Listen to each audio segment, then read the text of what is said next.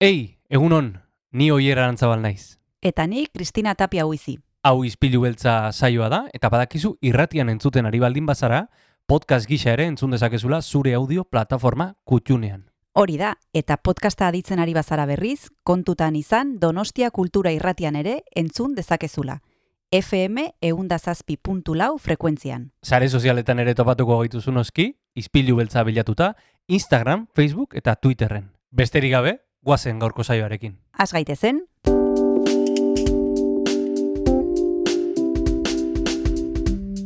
Ispilu beltza. Donostiako kulturaren berri, Oyer Arantzabal eta Kristina Tapia buizirekin. Egun honen zule urtarrilak amazazpi ditu aste artea da, eta hemen gaude beste egun batez, izpilu beltzean Donostia Kultura irratian. Egunon, Kristina? egunon oier zer moduz, ari zara prestatzen San Sebastian eguna? Mm, urtero prestatzen dut. E, dan ere egun e, importantarikoa bizitzen. Aizu, ba, jendea oso e, serio hartzen ari da e, ensaioak eta bart, ze bi urtez egon dira atera gabe, eta Ja. aizu, antza, an, antzi egiten da. Bai, ni- niri ez zait antzi ez dualako inoiz egin. Eh? Ni berez pekizu zarostarra naizela eta han danborra da urrun geratzen zaigu. Bueno, bueno, ba, hala ere, aste honetan San Sebastian eguna izango denez, badekizue ostiralean tokatzen dela eta guk ez dugu programarik izango, baino astelenetik ostegunera bai, eta Bai. gaur aste artea denez, badekizue kresalako lagunak etortzen zaizkigula normalean, kasu hontan, e, gonbidatu berezi bat ekarri dute, hiru proiektzio izango dituzte gaur e, arratsaldean trueba zinemetan, arratsaldeko zazpiterrietan, hiru labur metrai jarriko dituzte, arkitektura emozional, kuerdas eta harta, Mhm. eta guk e, kuerdaseko zuzendaria gonbidatu dugu, esti urresola, oier. Eta gainera, esti urresolaz gain, e, kuerdaseko zuzendariaz gain, izango dugu hemen gurekin Pedro Saldaña, kresala zinekubeko laguna, eta berak e, komentatuko ditu arkitektura emozional labur metraia, Leon Simanianik zuzendutakoa, eta harta Julia de Paz e, solbasen labur metraia ere, beraz gaur gurekin kresalako lagunak. Mm, jo, atze esango dizu, dorlako bigon bidaturekin saio astea plazerra izango da. Bai, ba, nahi baduzu, eta jonen baimerarekin, guazen gaurko saioarekin. Guazen.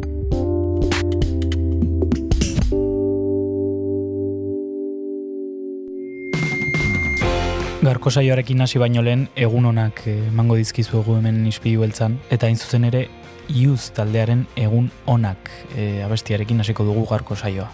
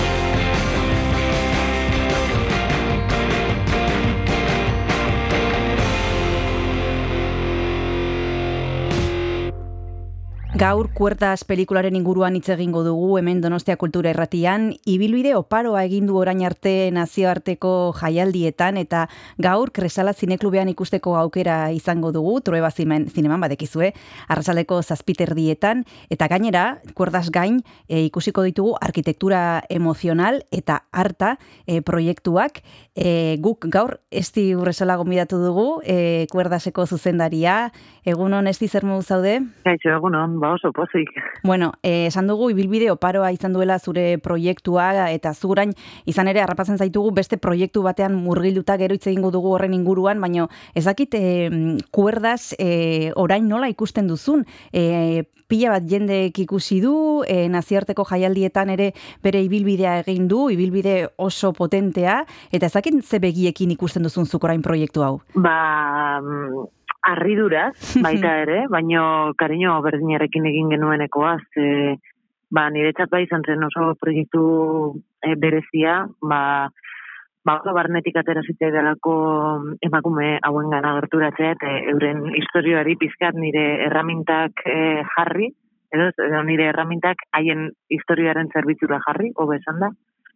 E, izan zezaten, baita ere, e, plataforma edo bai, plataforma edo bos, bosera, nola da, e, alta voz edo... Bai, bos gora joa. E, bos gora hori da, handiago bat, e, ba, euren aldarrak, aldarrikapenak eta borrokak e, plazaratzeko, eta zentzurretan oso oso pozik nago, posain zuzen, ba, ez ustekoan izan dugun ibilbide honek guztiak mm, ematen dielako euren historiari hori zebera, ez? Hoi hartzuna eta eta plaza, plaza gehiago. Guazen hitz egitera pixka bat, e, kuerdazen inguruan, ze agian norbaitek, e, irratiaren beste aldean, e, entzuten gaituen norbaitek ez du ikusi, eta horretarako daukagu e, proiektzioa, tore zinemetan, e, zer kontatzen duzu e, pelikula honetan, esti, nola, bueno, gehiagei kontatu gabe ere, e, zer da hmm. bertan kontatzen den historia? Ba, erabaki baten historioa da, nola gait, e, Rita da protagonista, laro eta maika urteko emakume bat, eta, bueno, Ritak abesten du abez batza batean, e, abez batzak galdu du udal diru laguntza bat, zeinarekin ordentzen zuten ensaiutarako lokala, eta orduan, ba, bueno, mm, formazioa bera desagertzeko arriskuan dago, eta orduan, ba, erabaki bat hartu beharko dute, jarraitzeko ala ez, e, ezinbestekoa izango den diru bat onartu, ala ez onartzearen inguruan, ez? Eta hor, e, ba, taldearen baitan ez bat sortuko da, eta eta hortxe, hortxe doa kamara, ritaren atzetik, ba, ba bere barne unibersoan murgiltzen, eta eta inguruan dituen egoera ezberdiniek ematen dizkiaten geruza anitzetan sartzen, ez? Hmm. Hmm. Geruza pila bat ditu pelikulak zuk aipatu duzu erabaki baten historio bat dela, baina badira beste historio batzuk ere bertan agertzen direnak. Ze normalean e, amonak ez ditugu ikusten pelikuletan eta zuk izugarrizko amona topatu duzu. E, zergatik e, e, zentratu nahi izan duzu edo kontatu nahi izan duzu ritaen e, begietatik historio hau. Ze bazen eukan erabaki hau ere kontatzea beste modu batera, baina erabaki duzu pertsona, e, bueno, adineko pertsona baten begietatik kontatzea. Bai, ba, hain zuzen, ba, uste duela, uste dut bi urte izan zirela, datorren astean e, ospatuko da Bilbon ekofeministaldia, eta jardunaldi horietan sortu zitzaidan eri historia hau kontatzeko gerrina, ez? Eta bertan nengoelarik ikusi nituen eskenatoki gainean, ba, irurogei, irurogei urtetik orako emakume asko, e, munduko puntu ezberdinetatik etorriak, eta denek e, kontatzen zeudena, bai, ziren ba, ingurumenaren aldeko borroka ezberdinen testigantzak zeuden hor partekatzen, ez? Eta esperientzia ezberdinak. Eta niri, ba, irudi horrek, e, pilo bat, e, hartu ninduen, ez? E, e, ze, ba, ziren gehiengoa, zen, ba, hori, adin Ba, hori, irurogeta mar urtetik gorako makumeak, oraindik borrokan e, euren komunitateetan eta auzoetan eta erreferente moduan e, konsideratuak zirenak, mundu mailan zebitzatenak, divulgazio lan ikaragarrezko bat egiten, eta irudi hori uste dut ez dela, edo nik behintzat sentitu nuen nolabait irudi berri baten aurrean nengoela, ez? E, ez dela e, ez delako zizitzen, baizik eta ez delako kontatzen edo irudikatzen e, gure imaginarioan, pues, zinema, e, zinema pantaietan, ikusentzunezkoan oroar. Orduan, ba, horri ere altaboza eman nahi nion, ez? Eta, eta irudikatu, ba, askotan ikusten ez ditugun profilak edo edo ere muskampo geratzen mm. direnak. Mm -hmm. bertan jarraituko dugu esti zure proiektuaren inguruan hitz egiten, kuertazen inguruan hitz egiten, baina tartetxo bat hartu behar dugu, eta segituan jarra gure zurekin bueltan.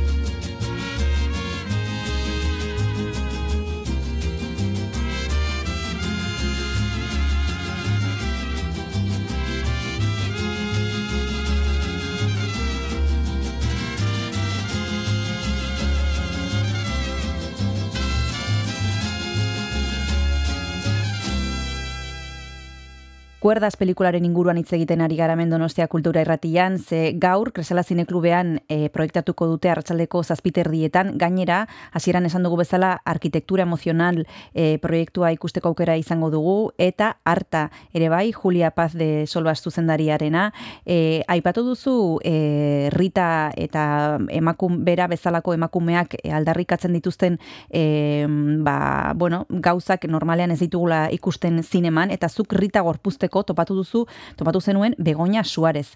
Ez da aktore profesionala, baina izugarrizko papera egiten du, eta izan ere, e, sariak ere jaso ditu lan honengatik, e, nola aurkitu zenuen emakume hau? Bai, ba, jardunaldi hau eta egon ostean, ez, ba, jarri nintzen kontaktuan, bertan, parte hartu zuen Zara Ibañez e, muskizko e, mediku erretiratua zena ordurako, eta berarekin bera kontatu zuen zonalde horretako e, problematika, eta eta jarri nintzen berarekin harremanetan, sakontzen joateko, eta berak jarri ninduen harremanetan zonaldeko pertsona askorekin, eta zinuen e, dokumentazio fase bat, elkarrizketa asko eginez, eta, eta ikusten, poste punturaino, ba, labur metraian plazaratu nahi izan dudan ez da, mm, komunidade hori e, zeharkatzen duen, ez?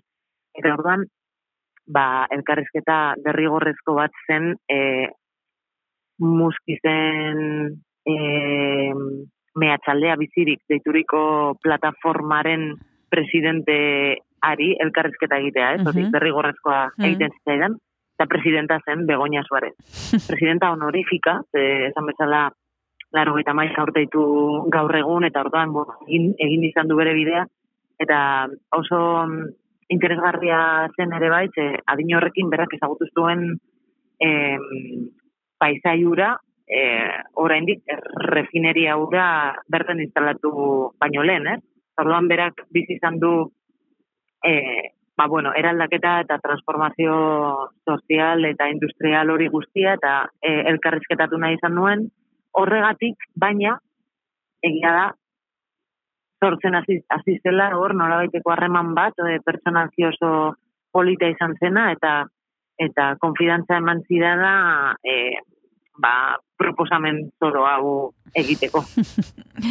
eta e, ak, behin aktorea e, topatuta eta ikusita Begoña Suarez hasieran e, zuk etzen nuen aurre ikusten bera izango zela, baina azkenean bera e, rita izan da. Zer izan, zer suertatu zitzaizun e, momentu hartan e, zailena e, historio guzti hau kontatzeko momentuan e, ezakit gidoia bera, e, gero e, errodajea, ezakit egondu da momenturen bat non zailtasun bereziren bat izan duzuen? Ba, claro, e, gero, albor metraia bain ikusita, baten du oso sumea eta baino egia da, em, ba, bueno, labur metraian irudikatzen dudan abez batza, ez da bere osotasunean benetazko abez batza bat, e, bi talde kosatzen dute, alde batetik muskizko juego de dama zantzerkitar taldea, eta bestetik e, San Fuentezko emakumen abez batza behar nuen oso talde handi bat, ez? Ez da horretan, ba, hau asko egon zitezen, eta baita ere, ba, bueno, mm, bueno, arrazo izen baite gatik, eta orduan bi talde ezberdin batu behar izan dituen, orduan karo konturatu nintzen ere, behar nuela euren arteko harreman hori sortzea, eta horrek denbora eskatzen zuela. Konturatu nintzen be, ba, bueno, ni ba, ba zego, antzerkitaldekoek e, ez zeudela bestera ohituta, eta orduan e, labur metraian abesten diren abestiak ere entzaiatzeko denbora bat hartu behar genuela, eta, bueno, azkenean, entzaiu prozesu guztiek bi hilabete eta erdi hartu, hartu zuten, eta labur metrai baterako hori denbora asko da. Baina bitarte horretan, ba, harremanak sortzen hasi ziren, e, nik ere haiek geroz eta hobeto ezagutzen dituen, e, no, oza, euren izaerak, kualidadeak, hobeto ezagututa, ba, hobeto baliatu nitzaken ere bai, gero, ez da bai da hori sortzeko, eta euren arteko lizkarrak eta aliantzak e, indartzeko, eta orduan, ba, bueno, hori izan zen aldi berean erronkarrik handiena, baino baita ere, ba, oparirik politena. Hmm. Izan ere, nik ezakit e, zinemaren munduan nola ibiltzen zareten, baino beste arloetan, e, eta pentsatzen dut zuenean ere, e, denbora da, e, daukazuen eta daukagun e, altxorrik handiena, ez? Horrelako proiektu bat, e, nun bi hilabete dituzun e, pertsonaiekin lantzeko e, ez da ohikoa eta gero emaitzan nabaritzen dela ematen du, ez? Esti zer ze horrela gustatzen zaizu lan egitea edo horrela nahiko zenuke lan egin denborarekin, hainbeste denborarekin? Ba, nik uste dut e, hori dela, osea, nire aurreko lanetan eta eta datozenetan ere, ba, aktoren zuzendaritzan da, igual gehien disfrutatzen dudan edo gehien interesatzen zaidan alorra eta eta egia da denborarekin eta alde zabretik landutako dena gero errodajean e, urrea dela. Mm ez, e, badago gure arteko historiko bat, osea, ni eta aktoren arteko historiko bat, e, e, bere ala oso baliagarriak izaten zezkigu bat, igual, aurretik hitz egindako ideiak, hausnarketak edo ondorioak gero zuzenago joateko e, ba, igual estena bat planteatzen zaudenean eta funtzionatzen ez duenean mm, irten bideoiek topatu alizateko, ez? Gero eta bai, komunikaziorik handiena desiragarria da izatea eta ensaioak niretzat dira bai, e, funtsezkoak. Bigarren tartetxoa hartu behar dugu eta segituan itzuliko gara Donostia Kultura Irratian esti urresolarekin hitz egiten.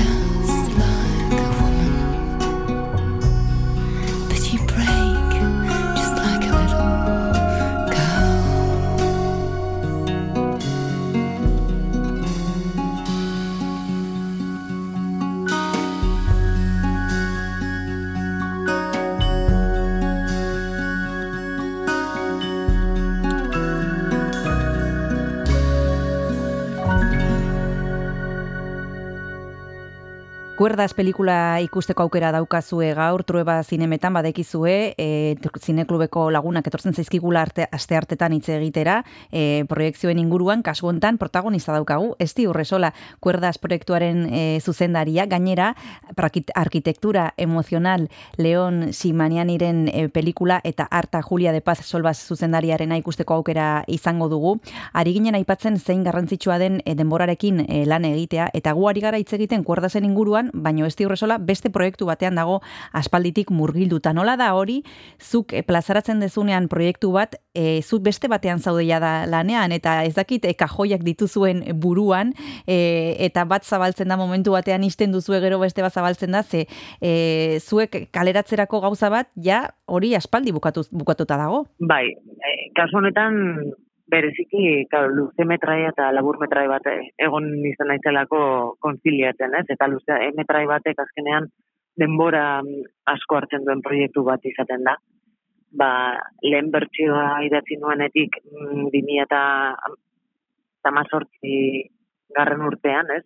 E, gidoiaren lehenengo bertsioa, pas, gero beste amar bertsio bat idatzi ditut, bitarte horretan, finantziazio guztia lortu behar izan da, eta hori eta bat ere, bat ere erreza ez azkarra ere, e, gero lantale tekniko eta artistiko guztia e, bai eta lokalizazioak, bueno, lan horrek guztia denbora pilo bat hartzen du, eta orduan, ba, ba, bueno, labur metrai bat egin izana bitartean, bueno, bi egin izan, bi egin ditut, polvo somos eta kuerdas, bost urte hauen eta baitan, baina oso, bueno, intensoa izan da, ez, dezagun ukatu, baina aldi berean, baita errefreskantea, esango nuke ze, ze pizkat burua, mm, bai, beste historio batekin, beste behar batzuekin, beste estilo batzuekin, zure burua frogatzera e, behartzen duzu, ez? Laburmetrai bakoitzak e, bere, bere forma eta bere eskakizunak izan ditu. Eta, eta bueno, pizkatzo bat burua luze metraitik atera eta mm, lanean jarraitzen zaren bitartean, ez? E, azkenean dena da lana, baino, baino bai alorez berdinak e, elikatuz edo edo bai. Mm, niri azkenean orain perspektibarekin bai uste dute oso ondo etorri zen zaidala adibidez kuerdas batekin lan egitea, e, luze metraian sartu baino lehenago ze improvisaketa edo, bueno, obesan da, aktores profesionalekin lan egitea kuerda zen asko bali, oza, balio izan dit, gero luze metraian, ba, umeekin lan egiteko, adibidez, eta orduan, bueno, dena da, denak e, gehitzen du. Eta nik ezakit e, zerbait kontatu dezakegun labur mot, la, e, luze honen inguruan ze puntutan zauden, e, noiz ikusteko aukera izango dugun, zerbait aurreratu dezakezu? Mm, bai, ba, hombre, nik espero dut, 2000 eta hogeta iru antzear, bai, epataian dira e, eramateko aukera izango dugula. Uh e, pelikula joan den udan grabatu genuen, 2000 eta bian, eta izan zen, bueno, endaia, endaian zatitxo bat, eta gero laudio, orozko, amurrio, arrigorriaga zonalde horretan. Eta, eta bai, orantxe bertan, pues, e, muntaia itxi berria dugu, itxi berri dugu, eta postprodukzioan gabiltza. Pues, e, soinu postprodukzioa, kolore postprodukzioa, eta, eta ja konpartitzeko gogo handiarekin egia zen. Eta guk ikusteko gogoarekin zabadekizu zure zure hasierako lan hauekin e, egin duzula fan e, talde oso handi bat eta nabaritzen dut eta kresalako lagunekin ere hitz egin da ze zure jarraitzaile sutsuak dira badago lagoa zure urrengo lana ikusteko. Nik ezakit horrek ematen dizun erantzunkizuna errespetua beldur puntu bat. Ba bai pizkat bai. Segia esan ba kuerdasekin ere gertatu zitzaidan hori ez? E, justo ba ez genuela espero inolas ere eta kanesen e, aurkeztu du zela. Eta ni oraindik e, luze metraiaren grabazioa hasi baino lehen, nengoen, orduan, zaten duen igai, ama, aterako zait pelikula ondo edo teneke itxengo dute kuerda zen zera bat, eta, bueno, azkenean, hori, nik uste dut dena den, ni baino exigenteagoa, ez, Osea, ez dakit publikoa izango denik nirekin, osea, ni naizena nirekin baino, baino hori e, nik uste dut e, sortzaile guztie e, daukagun beldur bat dela, ez? Eta beti nahi dugula, pues bueno, ba, aurreko baino zerbait hobea edo edo interesgarria edo bintzat e, publikoarekin konektatzen jarraituko duena, ez? Baina ez daukagu inoiz horren bermerik, hasi que ba, egiten jarraitza bezerik ez egu geratzen, eta gero bihotz guztiarekin, gure energia guztiarekin, eta behintzat e, gure honena eman baldin badugu horrekin lasai bizi beharko ginetek. Horixe, ba, bueno, zure urrengo proiektuaren zain geldituko gara, 20.000 espezies de abejas, dena den, e, norbaitek ez balu ikusi kuerdaz, e, gonbidatzen diogu, ze aukera dauka ikusteko proiektua eta oso oso ederra da, e, zinemaldiaren bueltan berarekin hitz egiteko aukera izan genuen, eta han ere gomendatu genuen, ze e, guri e, pelikula pila bat gustatu zitzaigun, eta norbaitek ez badu ikusi, beste aukera bat dauka, eta esan bezala jarraituko dugu e, bere este urresolaren ibilbidea, hemen Donostia Kultura Irratian eskerrik asko esti hurbiltzeagatik e, gurera eta zorte on bezarkada bat. Mi esker zuei bezarkada bat. Agur.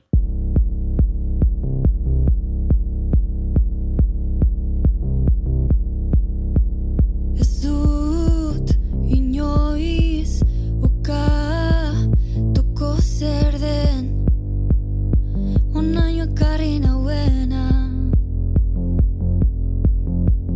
Jesus ut inois atzen du konorzen Hain gero zan induen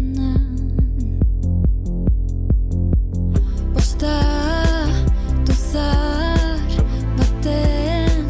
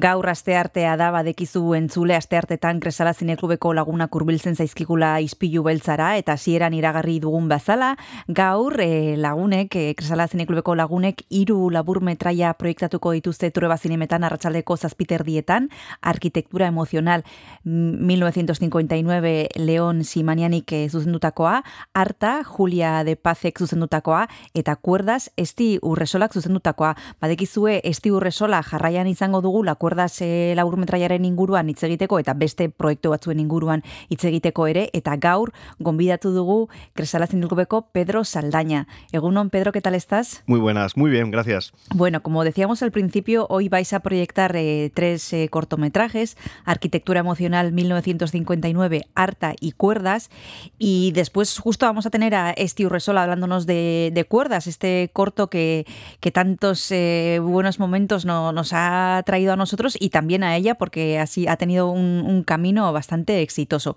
Como luego vamos a hablar con ella, eh, prácticamente te voy a preguntar sobre los otros dos cortos, pero no quiero olvidarme de, Cuerdas, Pedro. Eh, hemos hablado aquí otras veces de, este trabajo, pero cuéntanos eh, un poquito de qué trata y en tu opinión por qué está teniendo tanto éxito. Bueno, es un cortometraje de temática social en la que, bueno, en un pueblo eh, de Euskadi eh, hay una fábrica que por un lado sufraga ciertos gastos eh, para actividades de, la ciudadanía, de la población de, esa pedanía, y por otro lado contamina un montón. Esto ya lo comentamos en en el Festival de Cine, porque sí. también lo, lo, pude ver allí. Eh, esto se, se, ve perfectamente reflejado en, en, el primer plano de la película, es eh, del cortometraje. La verdad es que es un cortometraje que está súper bien realizado y bueno, que estamos contentísimos de, de, poder tener otro trabajo más de Steve Resola, de la que ya eh, hemos podido exhibir en el pasado eh, Adri, su, su, primer cortometraje eh, en la SCAC, y después Polvo Somos. Y ahora este, que encima está nominado al Goya y para el que le deseamos pues toda la suerte del mundo. Uh -huh. Está nominado al Goya, también pasó por Cannes y bueno, uh -huh. este Urresola después eh, nos contará eh, cómo está siendo este camino con cuerdas. También nos va a contar que seguramente tendremos ocasión de ver su primer largometraje, 20.000 especies de abejas, que está terminando justo ahora. Así que bueno, seguiremos con mucho interés la carrera de, de esta directora, porque bueno, lo que hemos visto desde luego nos ha gustado muchísimo y quien no haya visto todavía cuerdas, que no sé si hay alguien, pero bueno, igual hay alguien, eh, les invitamos a que lo hagan esta tarde a las siete y media en los cines Trueba, porque es una película maravillosa y además va a estar eh, la, directora allí con, con, vosotros. Vamos a hablar también de otros dos trabajos que vamos a poder ver esta tarde, Pedro. Por un lado, Arquitectura Emocional 1959, dirigida por León eh, Siminiani. ¿Qué nos cuenta eh, Siminiani en este trabajo? Cuenta, es una historia de amor cuenta la historia de amor de Sebas y, ay, no me acuerdo cómo se llama ella, bueno, la, la historia de amor de dos... Eh... Sebas y Andrea son. Se, Sebas y Andrea, eso es. Eh, que, bueno, son estudiantes y a través de... Es que eh, es un cortometraje bastante especial. A través de la arquitectura, León Siminiani... Eh, nos cuenta una, una, historia de amor perfectamente perfectamente estructurada en torno a la arquitectura propia del Madrid de los años 50 y que después se fue eh, ensanchando. Eh, es realmente una auténtica rareza y el día que lo vimos no la verdad es que no damos crédito porque eh, no se suelen ver muchas obras así de arriesgadas y así de, frescas también. Hay que decir que bueno ha ganado la espiga de oro al, mejor documental en, la Seminci. Nosotros pudimos verlo un poquito antes de, de manos de la, de la, distribuidora que nos lo dejó ver y realmente nos gustó mucho y enseguida pensamos que, que se podía hacer un pack muy bueno, incluso antes de, de las nominaciones, con eh, cuerdas y, y, este otro cortometraje. Arta. También, eh, ahora vamos a hablar de arquitectura emocional un poquito más y después de Arta nos vamos a tomar uh -huh. el primer descanso, Pedro, y ya sabes que te voy a pedir una canción. ¿Qué has pensado? Pues como hoy estamos así muy cinematográficos y demás, había pensado en Sabotage de los Beastie Boys, cuyo videoclip dirigió Spike Jones, otro joven cineasta que apuntaba maneras. Perfecto, pues vamos a escucharles.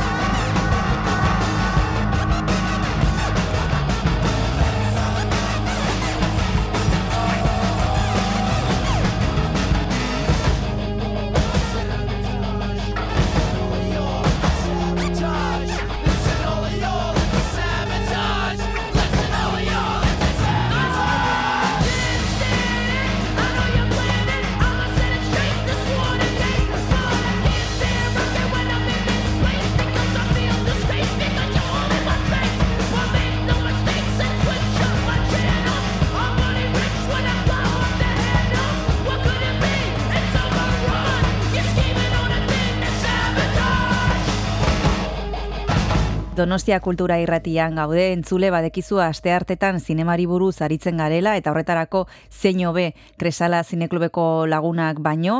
E, gaur e, hiru labur metraia proiektatuko dituzte Trueba Zinemetan arratsaldeko zazpieta erdietan Arkitektura Emocional 1959 Arta eta Kuerdas e, gainera e, Kuerdaseko zuzendaria hemen izango dugu Ispilu beltzan eta gainera egongo da arratsaldean e, Trueba Zinemetan esti urresola beraz. Nik uste dut aukera paregabea izango duzuela bai pelikula ikusteko eta bai berarekin hitz egiteko. Estábamos hablando de mm, Arquitectura Emocional 1959, un trabajo de León Siminiani que os ha gustado muchísimo.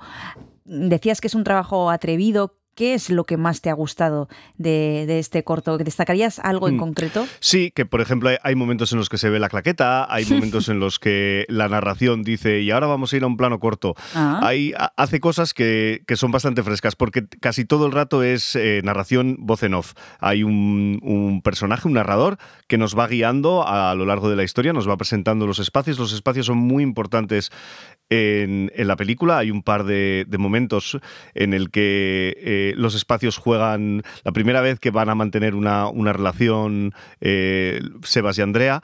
Eh, el espacio es fundamental para entender eh, qué es lo que están haciendo en, esa España en concreto. Y luego también, bueno, pues cuenta un poco, un poco ya de pasada. Lo que pasa es que les afecta a los personajes, pues la revolución cubana, cómo, cómo afectó eso a las ansias de libertad, etcétera.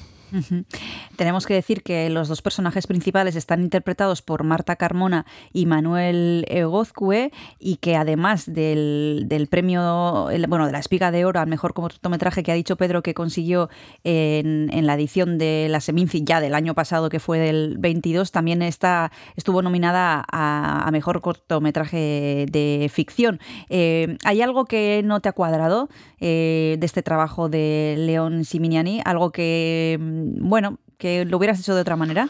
Mm, me parece una propuesta tan distinta. Que, yo no me esperaba, o sea, me dijo Paul, el, compañero, eh, hay un cortometraje con el que vas a flipar. Y dije, bueno, pues a ver. Y entonces lo vi y, flipé, sí. O sea, no, realmente, quiero decir, eh, seguramente mm, puede haber algo que, mm, no lo sé, que de alguna manera quizás yo hubiese hecho de otra manera, pero tampoco se me ocurre. O sea, no me parece, es que nunca se me hubiese ocurrido hacer algo así. O sea, realmente, y, luego, bueno, la, importancia que tiene la arquitectura, me imagino que él, eh, bueno, él estudió la carrera de filología y después estudió cine en Nueva York. No sé qué clase de mm, formación eh, en cuanto a arquitectura tiene, pero desde luego eh, logra, logra crear mm, un digamos, un, conjunto perfectamente armonioso a través de, un arquitecto que, fue muy famoso, que yo he tenido que buscar quién era, pero no tenía ni idea, eh, Zuazo, y, la verdad es que a mí me parece un, cortometraje redondo. Eh, así como Cuerdas, por ejemplo, sí que la he visto y, sin yo tener ni la más mínima idea comparado con vosotros, podría decir que es un, cortometraje para todos los públicos asequible. Arquitectura emocional 1959, Pedro, eh, ¿es así también para todo tipo de públicos o es un pelín más difícil? A ver, sí, es distinto. Yo, no diría que es difícil, pero sí que es distinto. Eh, Cuerdas es en ese sentido una, un cortometraje mucho más social, mucho más pegado a, la realidad de, la gente. Eh, eh, cuenta una historia eh, con, cierto compromiso con, con, el medio ambiente, etcétera. mientras que arquitectura emocional, digamos que es más una rareza, es, es algo distinto. No Mm, encajaría más en, algún tipo de nueva ola o de, maneras distintas de, hacer las cosas. Eh, el atrezzo sí que intenta que sea más o menos el de la época, pero los espacios no, los espacios son los de hoy en día y se supone que estamos en 1959, bueno, 58, 59, que es cuando se desarrolla la historia. Pero bueno, eh, yo creo que lo más interesante del cine siempre es poder ver las distintas propuestas que tiene cada uno, cada uno de, los, de los autores. Yo no me atrevería a decir decir si prefiero antes ver una película de Ken Loach o una de Jean-Luc Godard, por poner un poco hmm. eh, esos dos ejemplos de, un cine más social, más eh, apegado a, a, la clase obrera, por decirlo así, mientras que arquitectura emocional quizás pertenece a, otra esfera un poquito más conceptual y, sin embargo también, todo hay que decirlo, contando una historia muy sencilla, es el enamoramiento de dos personas y eso es lo que cuenta la película, tampoco cuenta más, lo que pasa es que la forma sí que es distinta. Bueno, en este caso, como van a ser tres cortos, el menú es de lo más variado. Yo creo que la mejor opción es acercarse y disfrutar de las tres películas y luego, bueno, charlar en este caso con Steve la que tendremos ocasión de hacerlo y después también de, valorar el resto de los proyectos. Eh, nos has propuesto antes una canción de los Beastie Boys y ahora para el segundo descanso, Pedro, ¿qué, nos propones? Pues eh, una que me gusta mucho y que a mí me gusta mucho la música de balcánica, eh, Disco Boy de Chantel. Perfecto, vamos a escucharla.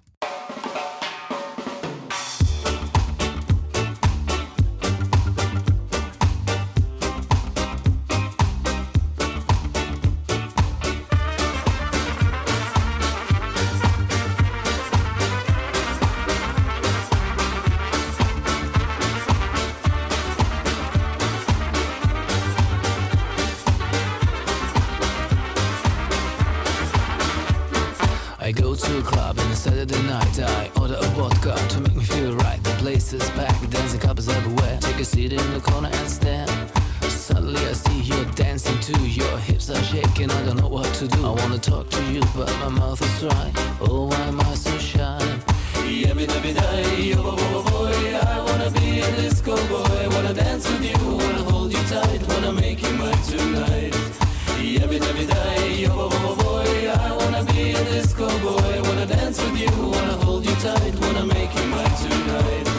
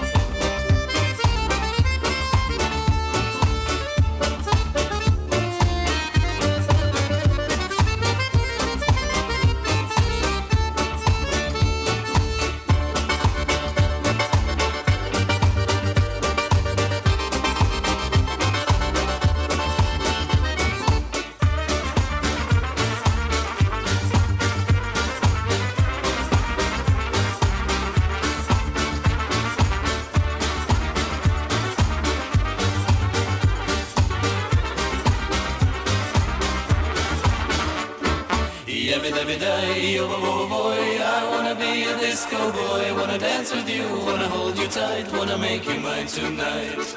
Every, every day, oh, oh, boy, I wanna be a disco boy. Wanna dance with you, wanna hold you tight, wanna make you mine tonight.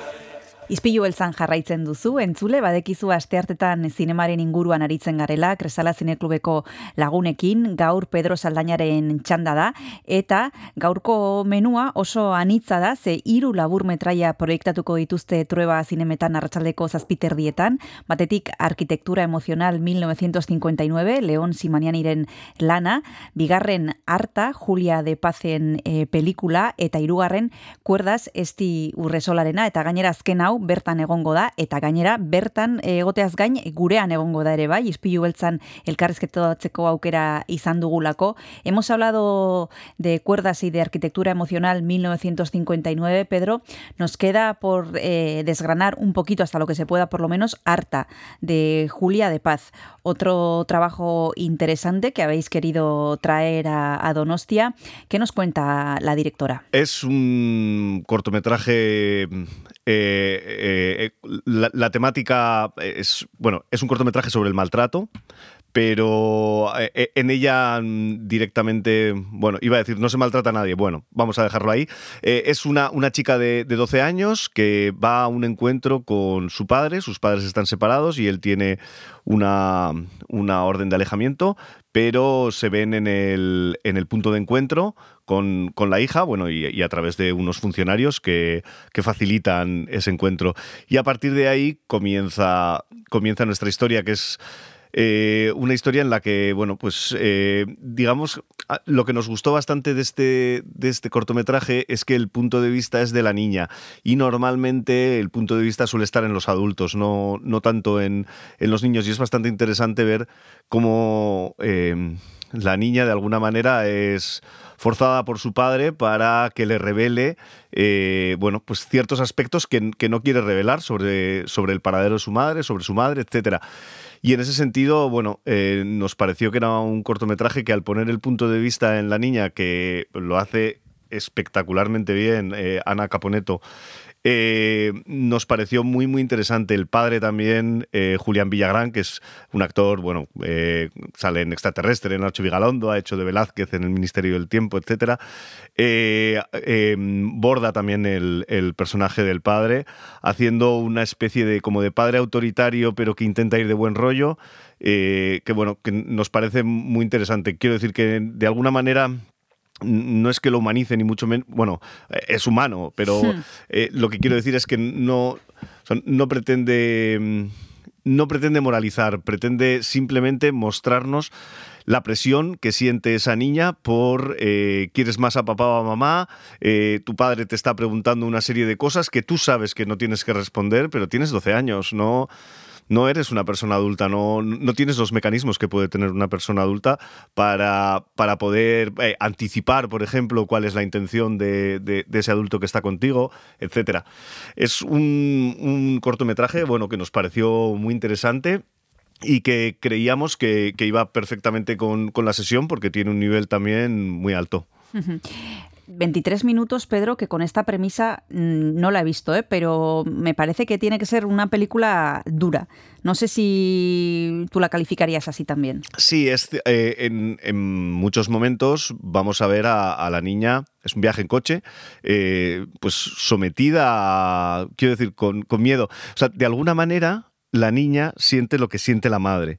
Y creo que ese es eh, un poco el, el momento en el que joder, en el que dices, así no podemos andar, quiero decir, no, sé cómo va, cómo, cómo, cómo, se va a resolver esta situación, que por cierto está muy bien resuelto en, en el cortometraje, creo yo, eh, pero es, una situación, es, está... Eh, la protagonista, la, la, niña, está abocada a un callejón sin salida en el que o bien eh, traiciona a su padre y huye, o bien revela el paradero de su madre poniéndola en peligro, siendo ella, tiene 12 años, eh, más o menos consciente de, de, lo que puede pasar.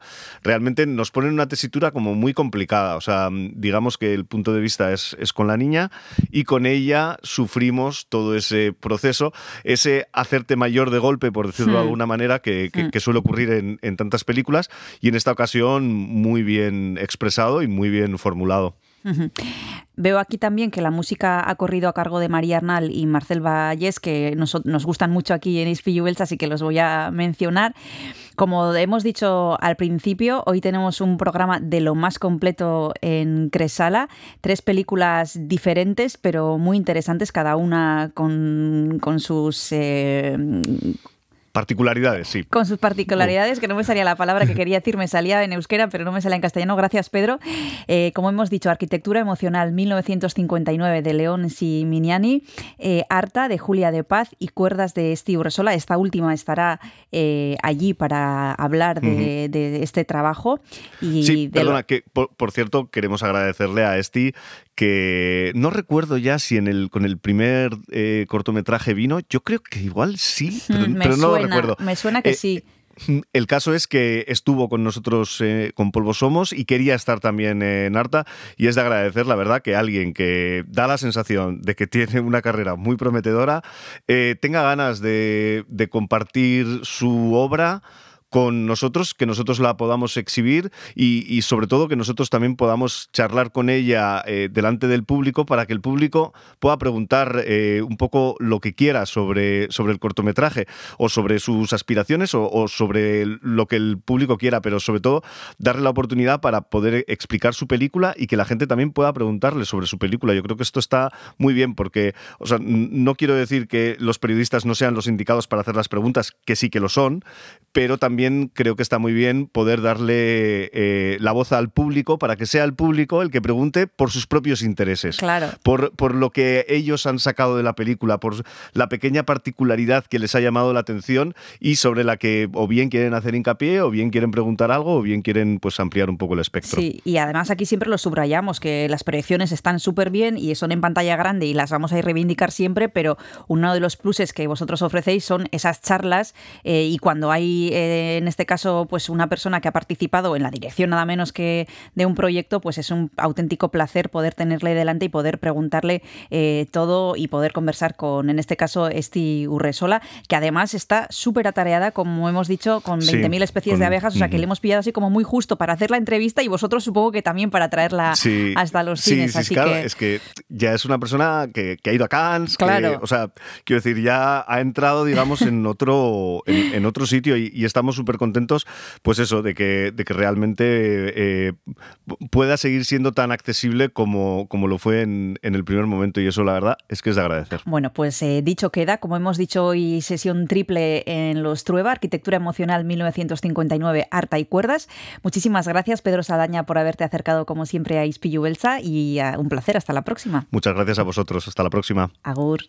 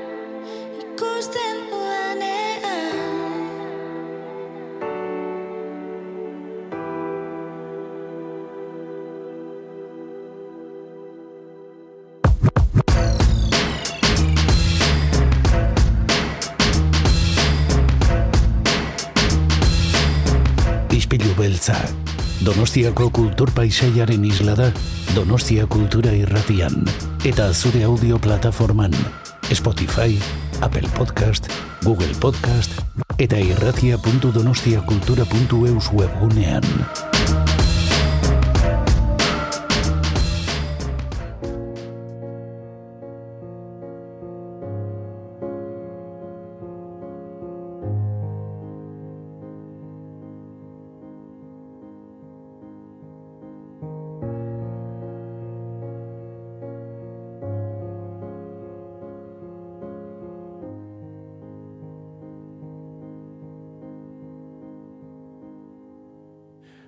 Que la vida nos arranca nuestra manta y perdido hipocondríaco, ya no duermo de un tirón.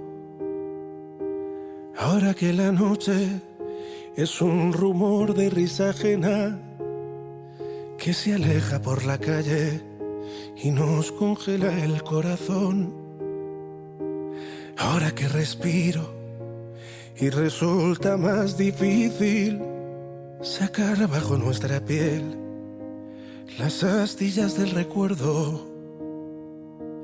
Ahora que me pierdo las auroras de Madrid y no suenan en las radios las canciones que te debo.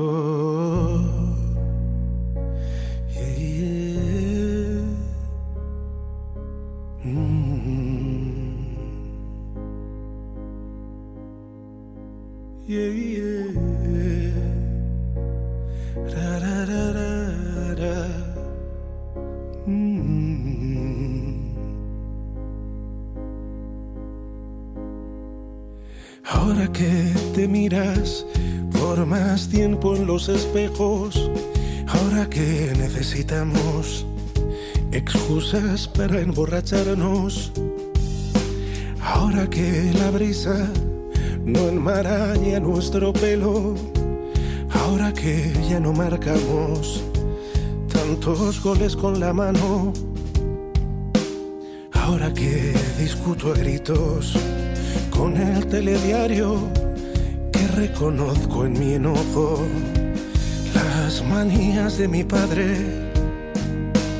Ahora que en los bares ya no crecen crisantemos, regreso de muy lejos y no deshago el equipaje.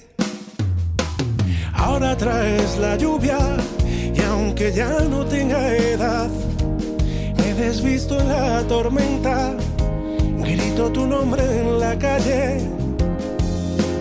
Ahora que te encuentro, todo se vuelve verdad. Se derrumban los palacios y traes verde a sus solares. Haces que este otoño ilumine mis mañanas y haga callar al reloj del vientre del cocodrilo. Traes un corazón para cada hombre de hojalata. Ahora cambias mis razones y me vistes de domingo.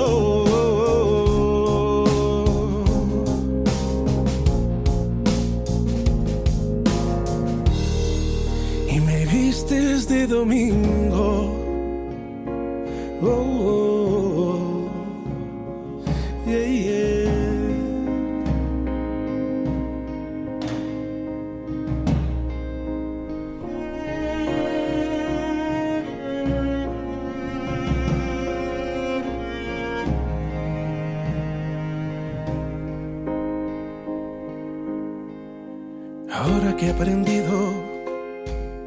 desaprender las reglas y que todo temporal nos regala una enseñanza y a decir que te amo con 140 letras o a encerrar en un gin tonic todas nuestras esperanzas.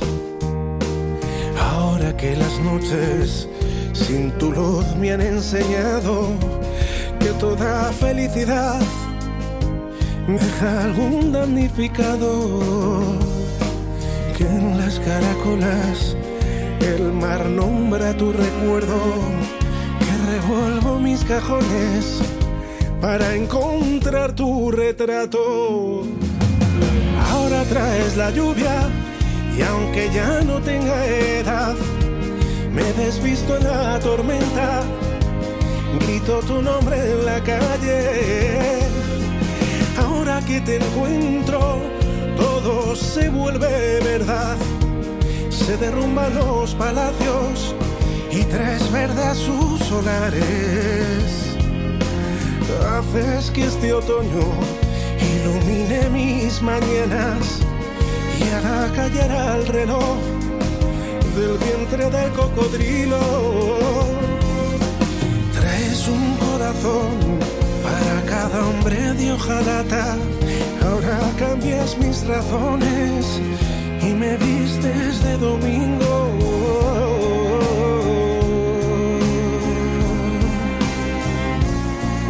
Y me vistes de domingo.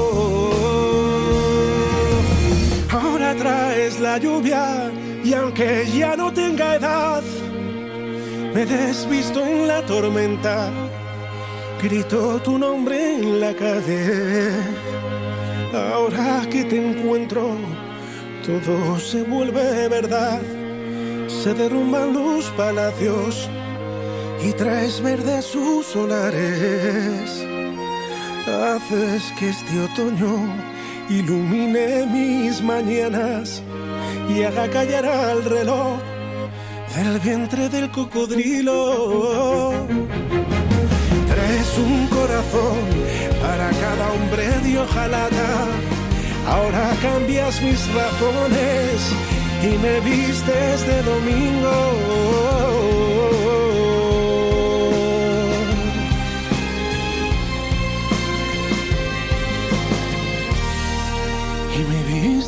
Domingo.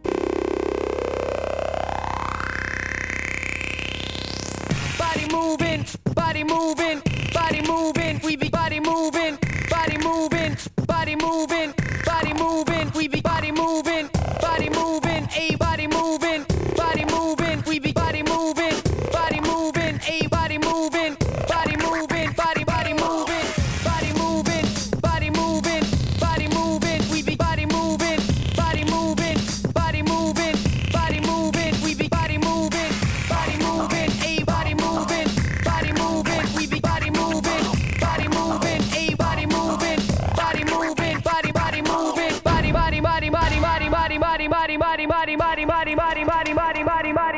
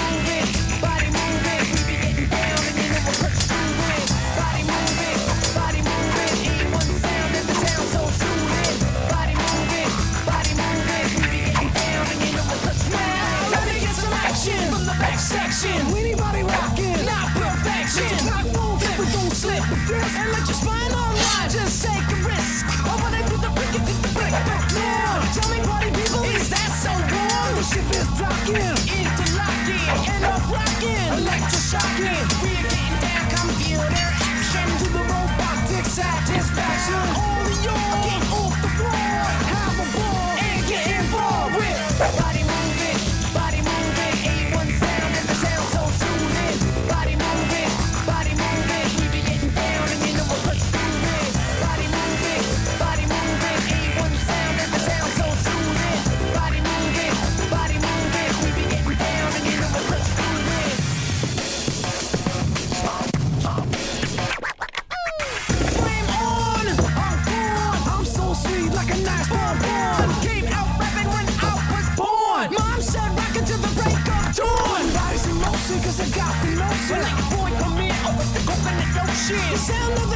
Can you insane? Can't explain to people this type of life? Ain't like a bottle of chateau, no.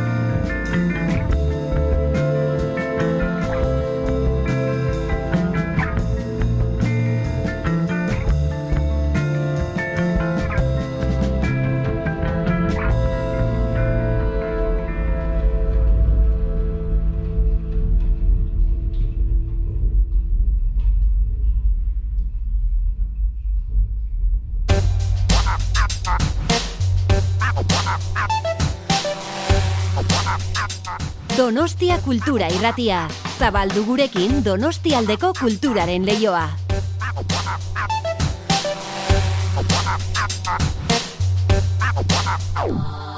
Zuen alde.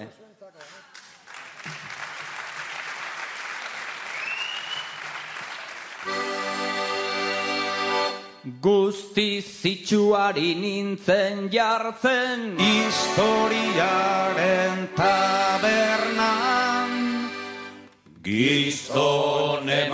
emaztek Aurra da gaztek Zeinek ardo gehiago edan.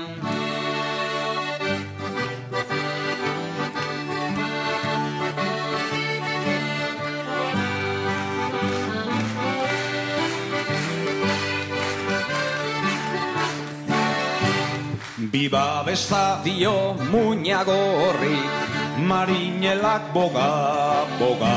Haupa gizonak atzarre maze Sexua gozatzeko da. Jaun baruak txori txikiari. Aika mutil jeikiari Katialdi neskazar bat tentatzen Keinuka ilargiari Iparragirreko mediante Ukazio alegetzat. Donostiako iruda matxo Bilutxirik daudenentzat Hilda jainkoan ork dantzatuko Bote du soinutxo hori Amalau atzo trompeta jotzen Aita San Antoni hori. Hau da gauaren zora garria Txarra morko antxumpletin Anaia reboka modioz prest Gira oro elgarrekin. Zibilek esan haute biziro Kaleko azken mobida Aizea dator. Eta orduan bostiro entzuten dira Hau txartatikan ustekabean Horra gertzen da txirrita. Urpistola batez Furra, furra. Soñeko txuri jantzita Armen hartzera deitu ninduen. Erre, erre trapuzarrak Demokrazia zerri askara. Biba lengo fuero zarrak. Borroka hortan bizi da eta beti aurrera kastero. Aixo bezeri Esan omen du sartuko naiz gerrillero Bizkaiko aberatzak diru zale Hankak zebiltzan aidian Honela ezin leike Esan du Jainkuaren izenian Txakurrak datoz zaizkutatzen naiz Ikurriñan atzian. Ni naizen bezinko barderikan Ez da Espainia guzia Isil, isilik egakaioan Nintzen salako lehiora Salta kalera eta bat eta bi Mendie galetan gora.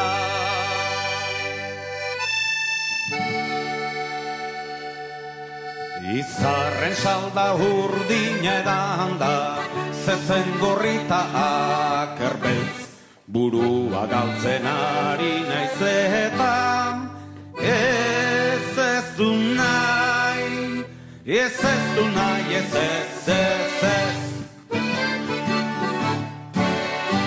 Loretxoari begira ume eder bat ikusi nuen Ta gero beste, beste bat, ta beste bat Inguratuan nengoen Basandereak erantzun zidan. Horai dugu forogatu Opetik poet bihotz nerea Aurrorrek aitazu zaitu.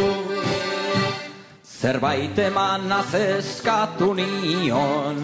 Umetxo askan azazu. Libre izateko naiz jaioa Parisera bamuazu Azken arnasa eman nahi nuke Santa Maña egunian Mekaduela mar. Izar berri bat piztu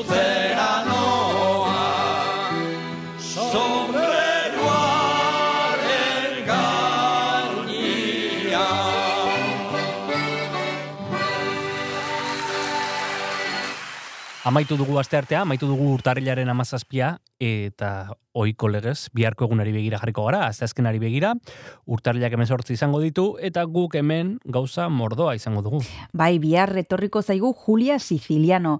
E, berak parte hartuko baitu e, batura izena duen zikloan, e, emakumearen inguruan eta euskal musikaren inguruan, Victoria Jonean zokian hogeita zeian egongo da, eta badekizue Julia Sicilianok pianoa joko duela, Natalia Titxek biola, eta guk e, kasu honetan e, Julia Siciliano izango dugu bihar. Julia Siciliano eta gauza gehiago, tartean musika ederra ere bai, Jon Gartziarekin, gaur ere arekin utziko zaituztegu saio amaitzeko. Gogoratu, izpilu beltzat Donostia Kultura irratian entzun dezakezuela, eta tira, e, nahi eran entzun nahi baldin baduzu ere, plataforma guztietan daukazuela, entzun gai. Besterik ez, Kristina. Behar arte. Aio,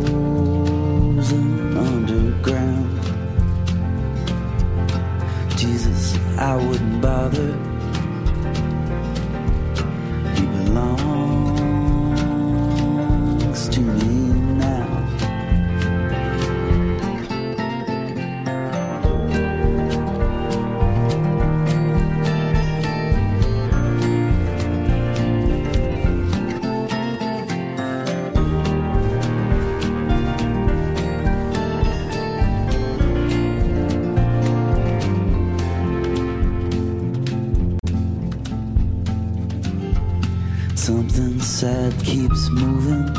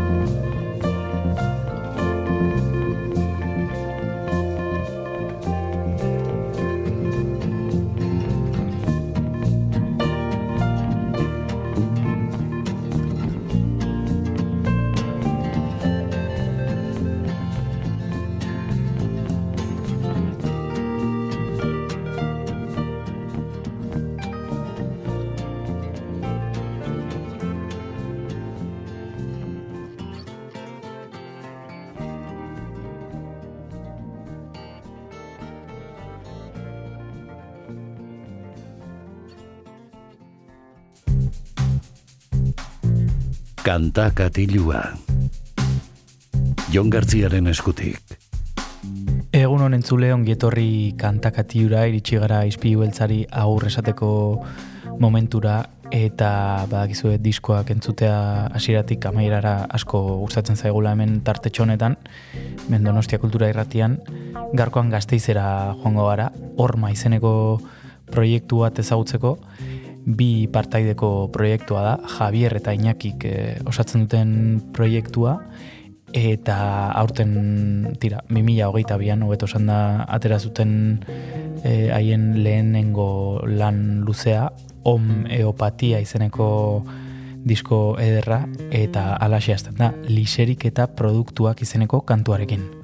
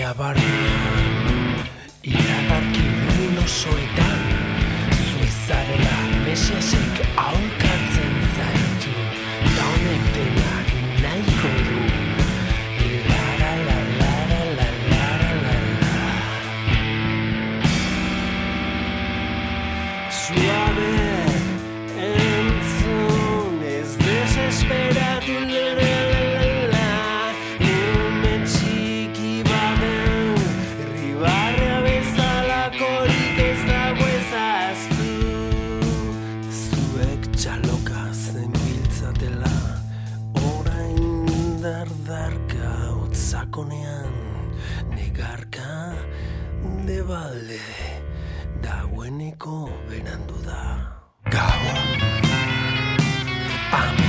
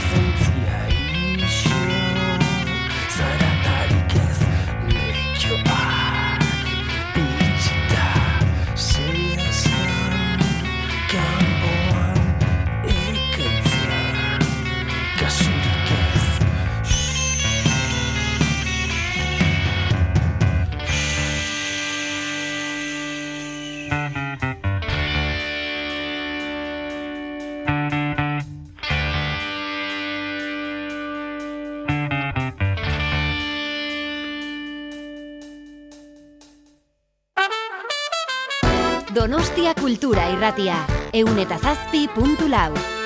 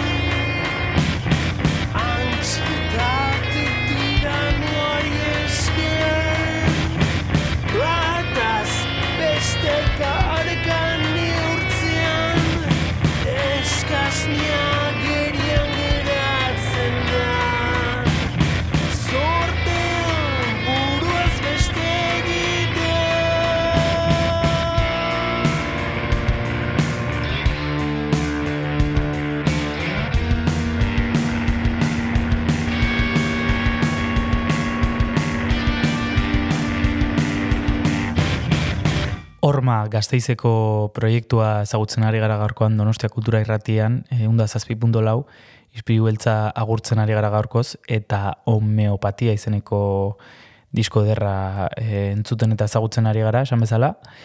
Gazteizen 2018an sortutako proiektua da, baina 2022an atera dute haien lehenengo lana, eta Javier eta Iñakik osatzen dute, Javier basuan ahotsean eta letretan aritzen da, eta Iñakik gitarra eta ritmo kutsak e, jorratzen ditu.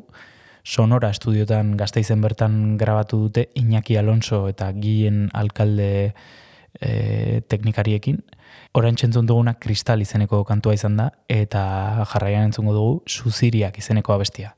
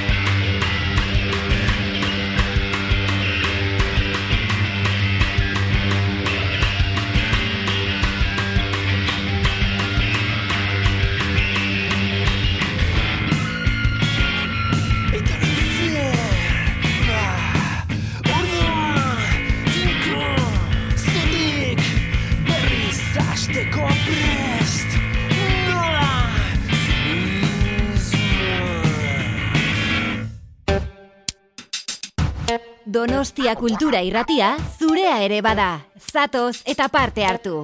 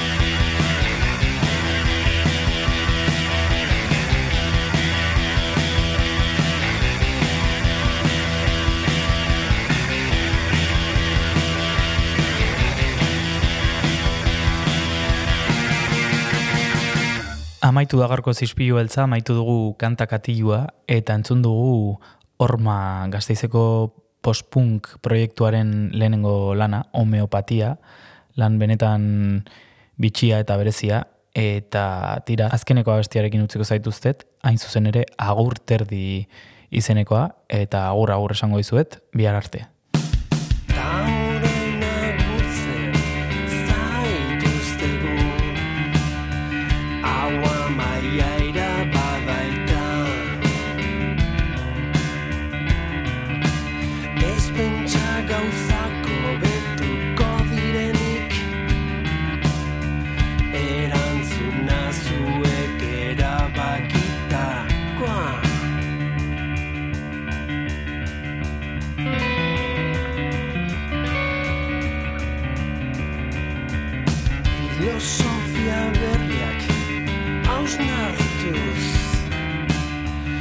we